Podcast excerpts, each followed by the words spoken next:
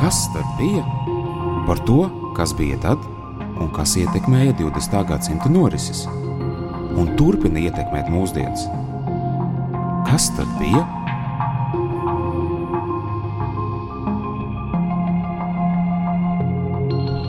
Sveicināti, cienījamie skatītāji un klausītāji. Mani sauc Daina Blējere, es esmu vēsturniece, strādāju Latvijas Universitātes Latvijas Vēstures institūtā kā pētniece. Šajā ierakstā mēs runāsim par to, kā Latvijā 70. gados izveidojās diskotēkas, vai tās mēģināja kontrolēt, kādā veidā tas mēģināja kontrolēt, cik sekmīgi tas, tas bija un, kādā, un, un ko tas liecina gan par padomju režīmu, tā norieta posmā, gan arī kādus secinājumus attiecībā uz sabiedrības kontroli mē, dažādos, nu, teiksim, totalitāros un, un autoritāros politiskajos režīmos mēs varam izdarīt šodien.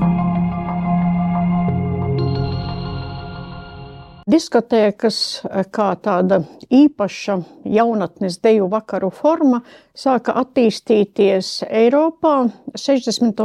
60. gados. Šķiet, ka pirmsākumi ir meklējumi Francijā.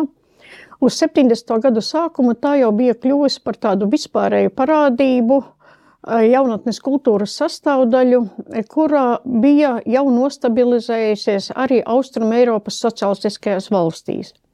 Ņemot vērā to, cik tomēr Padomju Savienība bija norobežāta no ārējās pasaules, pārsteidzoši ir tas, cik ātri diskotēkas ieradās Latvijā. Jau 1973. gada beigās Latvijā nodibinājās pirmā regulārā diskotēka. Tā bija poligrāfiķu klubā Rīgā. 1975. gadā nodibinājās vēl trīs diskotēkas Rīgas Politiskā institūta studentu klubā, Latvijas valsts universitātes filoloģijas fakultātē un jaunatnes, jauniešu kafejnīcā Argo Lielvārdas ielā. Tas ir tur, kur atradās tajā laikā Latvijas universitātes un Politiskā institūta studentu kopmītnes. Jau nākamajā gadā tās kā kūlas ugunsgrēks sāka izplatīties pa visu Latviju, arī ārpus Rīgas. Un jau 1978. gadā Eh, piemēram, eh, Stučkas rajona tagadējās aizkrauklis, avīzītē bija lasāms, ka tie laiki, kad jaunieši nezināja, kas tā tāda diskoteka ir pagājuši. Tagad visi zina, kas tās tādas ir. Un šai, šajā ziņā mēs varam teikt, ka iespējams un ļoti ticams, ka Latvija faktiski bija pirmā uh, padomju savienībā, kurā vispār diskotēkas radās. Un latviešu diskotēku kustības entuziastiem bija ārkārtīgi liela nozīme tajā, ka šīs diskotēkas visai ātri izplatījās pa visu Padomju Savienību. Interesanti ir tas, ka šī, šai, šai izklaidei no padomju ideoloģijas viedokļa, nu, principā vajadzēja radīt visai būtiskus iebildumus. Dejošana nevis iemācītos deju soļos, bet improvizācija, dejošana ne pa pāriem, bet vienam vai, vai, vai grupās. Um, ģērbšanās stils, jo džinsas jau diezgan ātri kļuva bez mazvai par obligātu uh, apģērbu diskotēku apmeklētājiem, protams, tiem, kas tās varēja sagādāt sev, kas nemaz nebija viegli. Vēlāk, uh, turpmākajos gados par obligātu jau stilu kļuva puszābaki un ādas jakas. Un uh, rietumu mūzika, kura dominēja diskotēkās, neskatoties uz centieniem panākt, lai tiktu atskaņot arī sociālistisko valstu e, populārā mūzika, kā arī padomju, e, padomju populārā mūzika. Un, e, Neskatoties uz to, ja mēs paskatāmies, piemēram, palasām presi, līdz pat 1979. gadam Latvijas presē nav, e, nav nekādas, teiksim, tāda kritisku izteikumu par diskotēkām. Ra, ir tiek rakstīts diezgan daudz, īpaši jaunatnes presē, pie, piemēram, padomu jaunatnē, taču tie, šie raksti ir pārsvarā iedrošinoši, informējoši, tādi, kas pasniedz diskotēkas visai pozitīvā gaismā. Un, un, un drīzāk tā tad veicina diskotēku izplatību, nevis kaut kādā veidā cenšas tās ierobežot.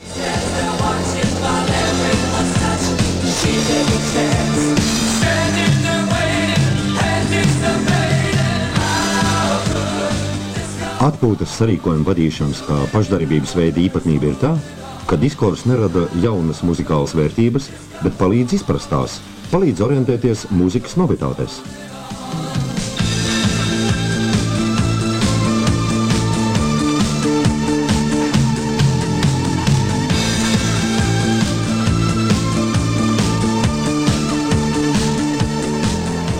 Taču 70. gadu beigās, bet ir sevišķi 80. gadu sākumā notika, notika būtisks pavērsiens tādā ziņā, ka Maskava sāk, saprata, ka diskotēkas ir kaut kas tāds, ar ko būtu tomēr, kas ideoloģiski tomēr nav gluži labi – ar ko vajadzētu tomēr kaut kādā veidā regulēt, cīnīties un tam līdzīgi. Un, tika, eh, un, un tas izraisīja arī eh, noteiktas pasākumus Latvijā. Dažādas atpūtas vakaru satura un formas problēmas tika risināts Pirmajā republikas skolu diskotekas seminārā. Par nepieciešamību palielināt padomu mūzikas īpatsvaru, informatīvo materiālu izmantošanu un citām problēmām savu viedokli izteica kultūras un izglītības ministrija pārstāvji, PSRS kultūras ministrijas lietpratēji mūzikas speciālisti. Labāko pieredze jādara pieejama plašāk. Tāds bija semināra dalībnieku kopsecinājums. Kādēļ tas tā notika? Viens apstākļus bija eh, starptautiskās situācijas pasliktināšanās. 1979. gada beigās sākās eh, PSRS invāzija Afganistānā, un, varētu, un sākās tas, ko sauc par augstā kara eh, jaunu vilni. Un situācija vēl vairāk pastiprinājās pēc tam, kad 1982. gada novembrī par um, Padomju Savienības komunistiskās partijas pirmo ģenerālsekretāru kļuva Jurijs Andropovs. Un ideoloģiskā cīņa ar rietumu dzīvesveidu, rietumu ideoloģiju, rietumu mūziku un tam līdzīgi kļuva par tādu ļoti svarīgu kā partijas, tā komjaunatnes uzdevumu. Otrs iemesls bija tas, ka uz to brīdi, jau kā jau es teicu, Padomju Savienībā diskotēkas visumā bija diezgan plaši izplatījušās. Tā, tā tas vairs nebija tikai Baltijas vai Latvijas parādība. Tas bija plaši izplatīts gan Ukrainā, gan Krievijā. Um, Un, uh, un, un acīm redzot, beidzot, attiecīgās institūcijas bija pamodušās, ka šo sistēmu kaut kādā veidā vajadzētu um, regulēt. Trešais moments bija tas, ka diskotēkas acīm redzot, nu jau no paša sākuma, faktiski viņas atradās savā veida tādā pelēkajā zonā, no, kā no ideoloģiskā, tā no juridiskā viedokļa. Ideoloģiskajā ziņā, protams, tādā ziņā, ka lielākoties diskotēkās spēlēja rietumu mūziku, lai kā arī netika mēģināts pārsvarā virzīt to uz padomju un sociālistisko valstu mūziku. Uh, taču gan aparatūru, gan mūziku praktiski bija ļoti grūti iegūt oficiālā ceļā. Tā visa bija darbība, nu, teiksim, tas bija, bija pelēkais vai melnais tirgus. Tas nepatika ne ideologiem, ne valsts drošības komitejai. Valsts drošības komiteja sekoja līdzi. Es, piemēram, esmu atradusi arhīvā, ka nu, teiksim, kāda, kāda sieviete no Amerikas, vai es neatceros, kaut kur no rietumiem, bija atbraukusi uz Latviju turisma ceļojumā. Viņa tikusies ar Hardiju Lediņu, kurš bija pasūtījis kāds ar paziņām, lai viņam atved kaut kādas plates no rietumiem. Ja. Nu, protams, Čeka viņu izsekoja, ja, un tur ir ziņojums ir datubāzē Delta par to, ka, lūk, viņa ir tikusies ar Hardiju Lediju, Lediņu, atdevusi viņam plates un tam līdzīgi. Protams, ka bija problēma bija tā, ka uh, visa, uh, Čeka līdz ar to viņa, protams, arī bieži vien vervēja um, ziņotājus šajā vidē. Nu, gan, gan tīri tāpēc, ka viņiem nepatika visas šīs kontrabandas aktivitātes, eh, ierakstu iegūšanas ceļi no rietumiem, gan arī tāpēc, ka ideoloģiski, nu, protams, tā bija tāda ideoloģiski šaubīga vide. Tātad cilvēki, kuri, nu, kuri sajūsminājās par rietumu kultūru. Un tas izpaudās kā viņu ģērbšanās stilā, uzvedības stilā, nu, tajā, kā viņi vispār, nu, un tajā mūzikā, kuru viņi klausījās. Nu, tā bija tiešākā rietumu kultūras un dzīvesveida ietekme uz, uz padomju jaunatni. Kā, kā to drīkstēja. Tieši tādēļ 80. gadu sākumā šī kampaņa par diskotēku, kaut kādu regulēšanu, kontrolēšanu un tam līdzīgi, tā ir saistīta, ļoti cieši saistīta ar cīņu pret uh, ārzemju dzīvesveidu, arī apģērba kultūra, uzvedības kultūra un tam līdzīgi. Par galveno regulējošo iestādi kļuva kultūras ministrija, kura 1980. E, un 1981. gadā pieņēma vairākus lēmumus e, par diskotēku kontroli. Emīla Melngaļa Tautas mākslas namā noorganizēja diskotēku darba sektoru, nodibināja tarifikācijas komisiju, maksas pasākumos aizliedza uzstāties netarificētām diskotēkām, tika veikti zināmi pasākumi, lai mazāk atskaņotu rietumu mūziku, eh, bet vairāk latviešu padomju, citu republiku un, eh, un citu republiku eh, sociālistisko valstu muzikālās kompozīcijas. Rezultāti tam visam bija diezgan nosacīti – Jo pirmkārt, diskotēku kustība jau bija kaut kur izgājusi ārpus iespējām to pilnībā kontrolēt. Otram kārtām tā mūzika, kuru spēlēja tarifikācijas skatēs, neobligāti tika spēlēta pēc tam uh, kultūras namu un klubu pasākumos. Turklāt izplatījās, plaši izplatījās diskotēkas, kuras formāli bija bezmaksas vai bezmaksas diskotēkas, ja, lai gan bieži vien tās faktiski tādā vai citādā veidā dižakai darbs tika apmaksāts, un šādas diskotēkas vispār bija ārpus kultūras ministrijas un citu kontrolējošo iestāžu uzmanības loka.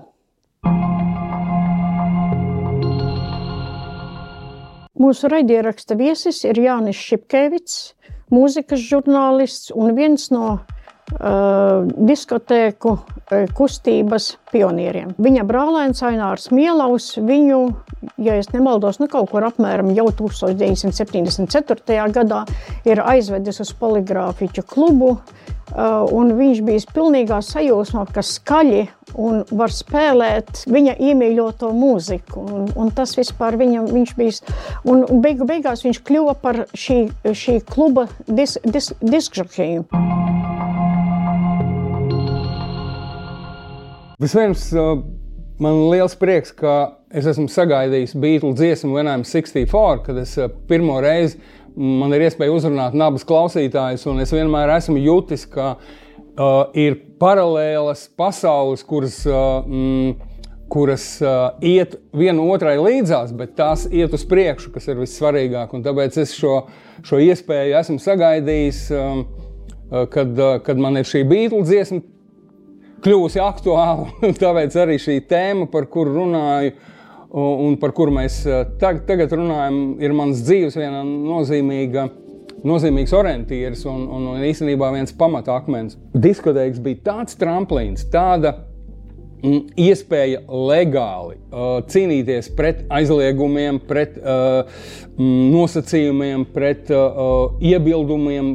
Pirmkārt, jau no vecākās paudzes, kur vienkārši no padomu estrādes um, uzaugusi, viņai organiski nebija. Nu, Pieņemam, pirmkārt, tās mūzikas skaļums, otrs, nesaprotamā vārdu lieta, tad uh, izskats un uh, visa tā mm, būšana ap šo uh, uh, uh, roka mūziku. Tad šī, šī uh, legalizācija, tā, nu, tā man tik šausmīgi. Es jūtos kā kaut kādā veidā, jā. Uh, uh, revolucionārs kopā ar tiem uh, līdzbiedriem, ka mēs varējām atļaut graut šo padomju uh, impotento estrādi, kura bija nonākusi pilnīgā strupceļā. Un tad, kad uz šo diskotēku sāk nākt tā laika muzikanti no filharmonijas, no grupām, no modo, un, un, un, un mēs uzaicinājām tā laika, nu, tur spēcīgākās es, es liepājas grupas, uh, Credo un, un, un Līvs. Viņi spēlēja poligrāfiju diskotēkā. Viņi, ieg, viņi pabeidza spēlēt savu, un viņi palika uz diskotēkām, lai dzirdētu, kādas mūzikas tendences šobrīd notiek, kas, kas ir ar, ar dažādiem stiliem. Ka, ka ne tikai roka mūzika nozīmē ģitāras, ka nāk elektronika, ir, ir dažādas skatuviskās izpausmes formas. Jo tālāk diskotēks bija divdaļīgs. Pirmā, pirmā daļa joprojām mēs saglabājām jaunu uh, mūziku. Mēs um, atskaņojām ļoti kvalitatīvi kopā ar uh, diapozitīviem, ar slaidiem, ar dažādiem dūmu efektiem un stāstījumiem par šo uh, uh, konceptu, kas bija tiem, tiem muzikantiem, sākot no King Crimson un, un Pink Floydiem bez šaubām. Un, Un, un, un, un beidzot ar, ar Jeffa Veina pasaules kariem un, un burtiski vārdu un lirikas atstāstīšanai. Un tad visi aizgāja uz pīpēti, aizgāja uz bufeti un sākās otrā daļa, kad visi jau mm, uh, darīja to, ko vīrietis un sieviete vai, vai jauni studenti uh, dara sestdienas un piekdienas vakaros poligrāfiķi bija tur tā kā. Mm, bija Imants Magone un, un uh, Liesma, kas skaitījās Latvijas eksporta prece, tad tajā klubā daudz ko atļāva vairāk nekā kaut kādā normālā skolā vai, vai kultūras namā. Līdz ar to tie bija cilvēki, kuri bija redzējuši, kas, kas notiek. Uh, nu, Liesma dejo Japānā, Kob, Kobes uh, draudzības tur tajās dienās. Viņi, mm, viņi Viņi ienes to elpu šeit iekšā un tālāk poligrāfiķus tāpat ķerties gar viņiem klāt, tad vajadzēja kaut kādas uh, spalvainas rokas. Bet tā kā uh, uh, kamēr tas notika kluba ietvaros, nekādi šādi liegumi vai aizliegumi nebija. Bet tad, kad mēs sākām, kad sākās jau terifikācijas skatis, un tad tev vajadzēja saņemt šo atļauju, gribi vai negribi. Un tad sēdē parādījās šīs žūrijas. Un es atceros, ka vienīgais, kas tādā kontrolējošais orgāns bija laikam tautas nams, Emīļa Melngāļa tautas nams, zem kur bija diskotēkas, un tur bija, tur bija tāds Normons Erts, es atceros, kurš bija tā kā tas, tad tur Ivars Rengards bija kā viens no konsultantiem, un viņi bija ļoti uh, saprotoši un pievēra uz daudzām lietām acis. Viņi neuzdrošinājās pateikt, ziniet, šo te nedara, nedariet. Nu, pirmkārt, mēs jau bijām tomēr top viens. Otrs, viņa labi saprata, ka jebkura šāda aizlieguma arī um, agri vai vēlu tie pazudīs, tie ir smieklīgi, tie ir, tie ir ar īslaicīgu derīgumu termiņu. Tas, ko, kas ceļo tur tie krievu muļķīgie tie, tie, tie aizliegumi par Black Sabbath vai Sparks, kas ir fašisti un, un tur sātanisti un tā tālāk. Nu, līdz tādam līmenim šeit nekad nenolaidās. Un, protams, ka šī procentuālā daļa, ka 40% šķiet bija jāspēlē padomju uh, lietas vai, vai, vai uz papīra tas viss eksistēja, bet dabā mm, nu, neviens, es, nu, neviens nesūdzējās, ka ka netiek nospēlēta Tuhmānova dziesma, Edvards Hills vai Josips Kobzons. Uh, tad, kad bija skates, tad formāli mēs kaut kur ielikām, bet pie padomju estrādes jau varēja pieskaitīt arī Modo, arī Credo līvus un, un Gunāra grapā grupu vai apelsīnus, un, un, un Leišiem bija kauņa siltumtīklu ansamblis, kurš spēlēja viens pret vienu dipērpulu. Tas skatas nāca uz klubu, un jocīgi jau bija dienā imitēt vakara atmosfēru, kad tev sēž pieci cilvēki un, un dzer minerālu ūdeni, un, un, un tev ir jāstāsta par lietām, kuras nu, tev principā ir jākarina baigiem makaroni, ka tu esi. Jo katrs rietumu mākslinieks, kuru tu atskaņot, tev vajadzēja pielikt klāt viņa lielo nozīmību pasaules proletariāta cīņā pret uh, kapitālismu žņaugiem, pret rasu diskrimināciju un, uh, un par tavu draudzību. Jā, jā un, un, un tas atkal deva ļoti labu uh, treniņu par to, kā šos makaronus pēc tam izmantot televīzijā. Vēsmas pārmaiņu bija jau gaisā jūtamas, un, un, un, un kultūras cilvēkiem, tāda kā bija poligrāfiķu vadība, kāda bija šie kluba darbinieki, nu, tur nebija neviens tik uh, um, mm, partokrātisks cilvēks, lai, lai, lai o, nesaprastu, ka šī, agri, tas ir laika jautājums, lai, lai, lai šīs lietas ienāktu kā, kā norma. Jo tomēr diskotēka nav televīzija, kurā pēc tam, kad es ienācu mūzikas redakcijā, kurā nu, es sapratu, jā, ir baigie kanoni, šito rādīt, šito nerādīt, mati nost, Un tur neviens pat arī nepretojās. Ja tu esi atnācis no, no līnijiem, tev pasaka, nogriezt matus, tad viņi arī tos matus griez, jo savādāk nu, vienkārši ekrānā nebija iespējas tikt. Tad diskotēks bija šī saliņa, kurā tu varēji uh, modulēt vienu rietumu kultūras normālu mm, vidi. Galvenā problēma, ar ko saskārās padomju ideoloģija, bija tas, ka, ka vilciens jau bija aizgājis.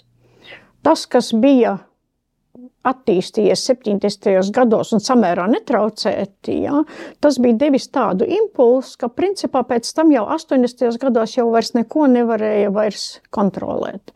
Tas vienkārši jau, jau, jau, jau bija ārpus. Teiksim, tā upe vienkārši bija tik plaša un tā straumi bija tik tik spēcīga. Varbūt runa pat ne tik daudz par tādu tiešu opozīciju, ja, bet tieši tas, ka veidojās cits, cita attieksme. Tas, ka nu, pastiprinājās tas, kas uh, bija veidojies jau kopš 50. gadu vidus, ka privātā sfēra arvien vairāk sāka izrauties no valsts un sistēmas ideoloģiskās kontroles. Un, un, un nu, ideologi to juta, saprata. Viņi mēģināja kaut ko darīt. Bet jautājums ir tas, ka, ka viņi nevarēja neko izdarīt, un, un daudzajādā ziņā pati sistēma darbojās viņiem pretim. Tieši ar to, ka teiksim, kultūras namiem vajadzēja pildīt finanšu plānus, e, komjaunatnē arī bija ieinteresēti, arī sistēmas cilvēki paši mainīja savu skatījumu, un viņiem tas viss interesē, un viņi atklāti vai, vai netika atklāti atbalstīja šīs lietas un tam līdzīgi. Principā sistēma 70. gados padomju sistēma sāk stingri brukt, un tieši šajā jomā tas varbūt izpaužās visskaidrāk. Bet, ja mēs, piemēram, salīdzinām to, kā mūsdienās Krievijā darbojas Putina režīms, tad izrādās, ka tādā, nu, tiksim, varētu tiksim, tādā autoritārā formā, ka tam zināmā mērā pat efektīvāk izdodas kontrolēt un pielietot represīvos mehānismus, nekā tas izdevās Padomju Savienībā, tāpēc, ka nu, šī pretdarbība no iekšas, no apakšas un tam līdzīgi izrādās, ka to ir, ir atraduši veidus, kā to apslāpēt. Vēlējā padomju posmā bija tas, ka principā būt, būt tādam oficiālās ideoloģijas atbalstītājiem tas nebija forši.